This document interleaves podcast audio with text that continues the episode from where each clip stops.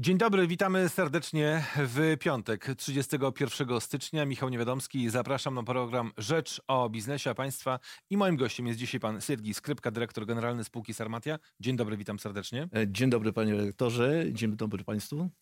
Mamy sytuację ciekawą, jeżeli chodzi o e, sytuację na rynku ropy naftowej, jeśli chodzi o Białoruś, bo tranzyt odbywa się w miarę bez e, przeszkód, ale nie ma cały czas podpisanej umowy między Białorusią i Rosją na dostawy e, e surowca do dwóch e, białoruskich rafinerii. W styczniu nie podpisano umowy. Na luty, czyli miesiąc, który się zaczyna już jutro w sobotę, też nie podpisano umowy.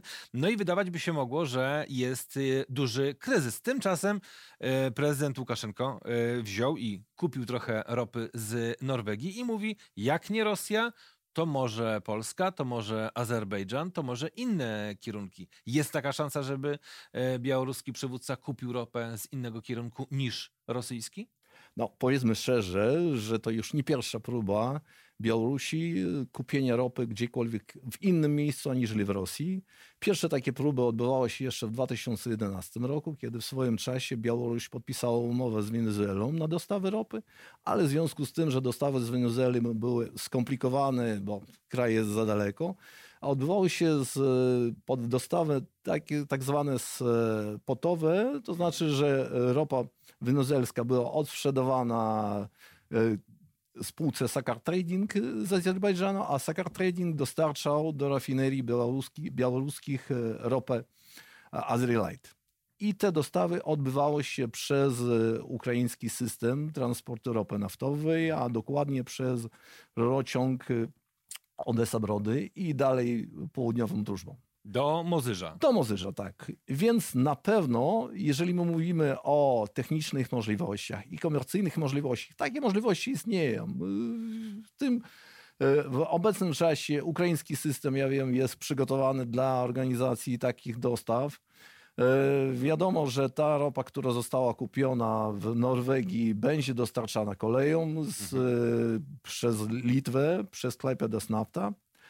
Jest oczywiście możliwość dostarczania ropy koleją z Kazachstanu, więc technicznie to jest możliwe. Jest kwestia tego, na ile to będzie się spinało finansowo, bo tu też chyba nie ma co ukrywać. To, co walczy Białoruś, to dobre ceny na ropę naftową. 2011 rok to był ten kryzys, o którym pan y, wspomniał i ten swap, czyli taka, taka transakcja wymiany na y, zasadzie której właśnie Azerowie dostarczyli ropę na Białoruś. Czy w tym roku też się może tak wydarzyć, że znowu Odessa Brody będzie tłoczyć y, ropę do białoruskiej rafinerii i tym samym Rosjanie stracą część tego rynku? Tak może być?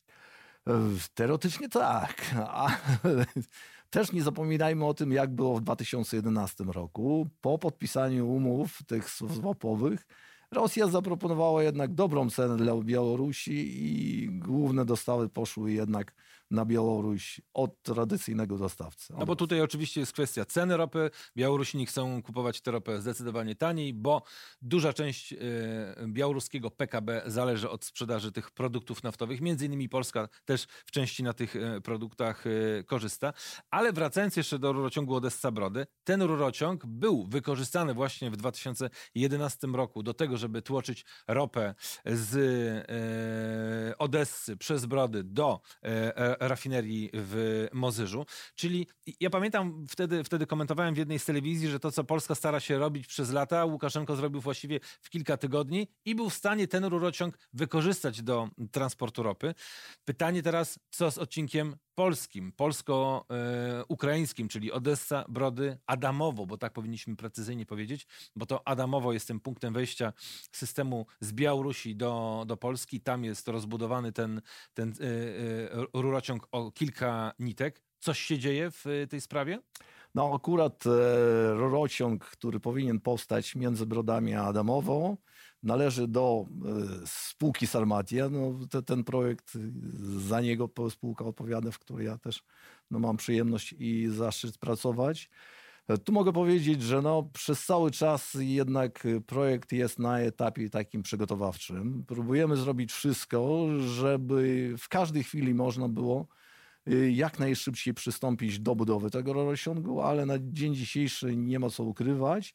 To, co zostało przygotowane, to mamy studium wykonalności, mamy wprowadzoną trasę rurociągu do miejscowych planów zagospodarowania przestrzennego i mamy decyzję środowiskową, która w roku ubiegłym została przedłożona na kolejne 4 lata, więc jeszcze mamy trochę czasu do uzyskania pozwolenia na budowę.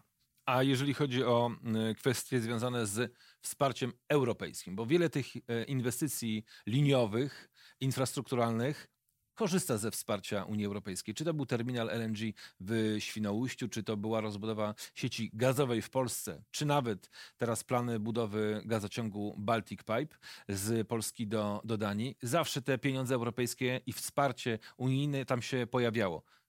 Jak jest w przypadku tego rurociągu? No, w przypadku naszego projektu raczej otrzymujemy ze strony Unii Europejskiej wsparcie polityczne. Mhm. To znaczy, że projekt, y, zaczynając od 2013 roku, stale jest na liście projektów priorytetowych Unii Europejskiej, tak zwana lista PCI, Project mhm. of Common Interest, i na liście projektów priorytetowych Europejskiej Wspólnoty Energetycznej.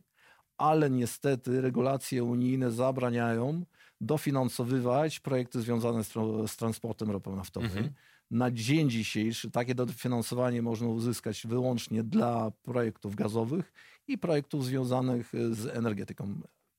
Czyli widać tutaj politykę też y, klimatyczną, w, tak, tak, jeżeli tak. chodzi o te I, kwestie. I, I tu trzeba powiedzieć, że te, te naciski klimatyczne, te plany klimatyczne mogą doprowadzić do tego, że w najbliższym czasie projekty gazowe również stracą możliwość uzyskania dofinansowania, więc na pewno przy realizacji tych polskich naszych projektów gazowych trzeba mocno się spieszyć. No, Zapowiedział to m.in. Europejski Bank Inwestycyjny, który zapowiedział, że te w najbliższych no. latach tego wsparcia do, A, projektów gazowych. Tak. On, on, oni już się wycofali. Tak, no. już, już tego nie będzie. Mam jeszcze pytania a propos tego, co wydarzyło się w roku ubiegłym, czyli 2019. No i słynna sprawa tych, tej zanieczyszczonej rosyjskiej, brudnej rosyjskiej ropy, która dostała się do systemu rurociągowego przyjaźni. Okazało się, że po raz kolejny, że, że Rosja nie jest do końca takim sprawdzonym dostawcą. Nie tylko, że e, te dostawy są przerywane, ale że i surowiec jest jakościowo w nie najlepszej e, e, formie. Czy to w jakikolwiek sposób pobudziło w Pernie myślenie o tym, żeby jednak szukać innych kierunków dostaw ropy naftowej, niekoniecznie z morza? Z morza jesteśmy w stanie oczywiście te, dużo tej ropy y, brać, no ale to nie jest do końca taka pełna dywersyfikacja, bo dywersyfikacją jest to, kiedy mamy wiele różnych punktów e, e, e, dojścia tej ropy do, do naszego kraju. No, trudno mi wypowiadać się za naszego wspólnika, którym jest spółka Pern. Mamy nadzieję, że oczywiście to, co się wydarzyło, no, będzie miało pewny wpływ na politykę w w zakresie bezpieczeństwa energetycznego na plany inwestycyjne PERNUK, które oczywiście wpływają i na działalność naszej spółki. I ja bym powiedział tak, że to, co się wydarzyło, no można porównać no, z taką no, kolizją, powiedzmy, mhm. samochodu, którą jeździmy tam pewną drogą. I można z jednej strony się cieszyć, że nic się nie stało, a naprawdę nic się nie stało, bo żadna refineria nie została zatrzymana. Y, że w tym samochodzie spracowały tam systemy bezpieczeństwa, poduszki mhm. i tak naprawdę wnioskiem może być to, że dbajmy o ten samochód i o systemy bezpieczeństwa, ale można podejść i popatrzeć na to inaczej. Czy nie warto naprawić tą drogę, mhm. ją zmienić, żeby do takich kolizji nie dochodziło w przyszłości? I na pewno projekt budowy rurociągu Brody Adamowo mhm. to jest to podejście. A na ile partnerzy zagraniczni y, spółki Sarmatia, bo to nie tylko jest y, Polska, to nie jest tylko e, Ukraina, ale i Gruzja i Azerbejdżan e, podtrzymują wolę budowy tego rurociągu. Potwierdzeniem tego, że jest wola i jest zainteresowanie realizacji tego projektu, no jest y, chociażby ten fakt, że w zeszłym roku spółka po raz kolejny uzyskała dofinansowanie ze strony naszych udziałowców i powiedzmy szczerze, tu nie było dużych dyskusji, bo jednak i Azerowie, i Gruzini, i, i Ukraina, no, widzą przyszłość dla tego projektu i dla rozwoju współpracy między naszymi krajami w branży dostarczania ropy naftowej.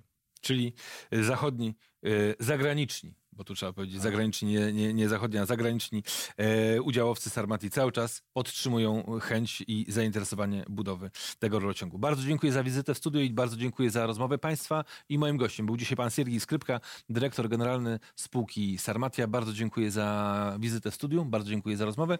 I to wszystko dzisiaj w programie Rzecz o Biznesie. Michał Niewiadomski, dziękuję i do zobaczenia.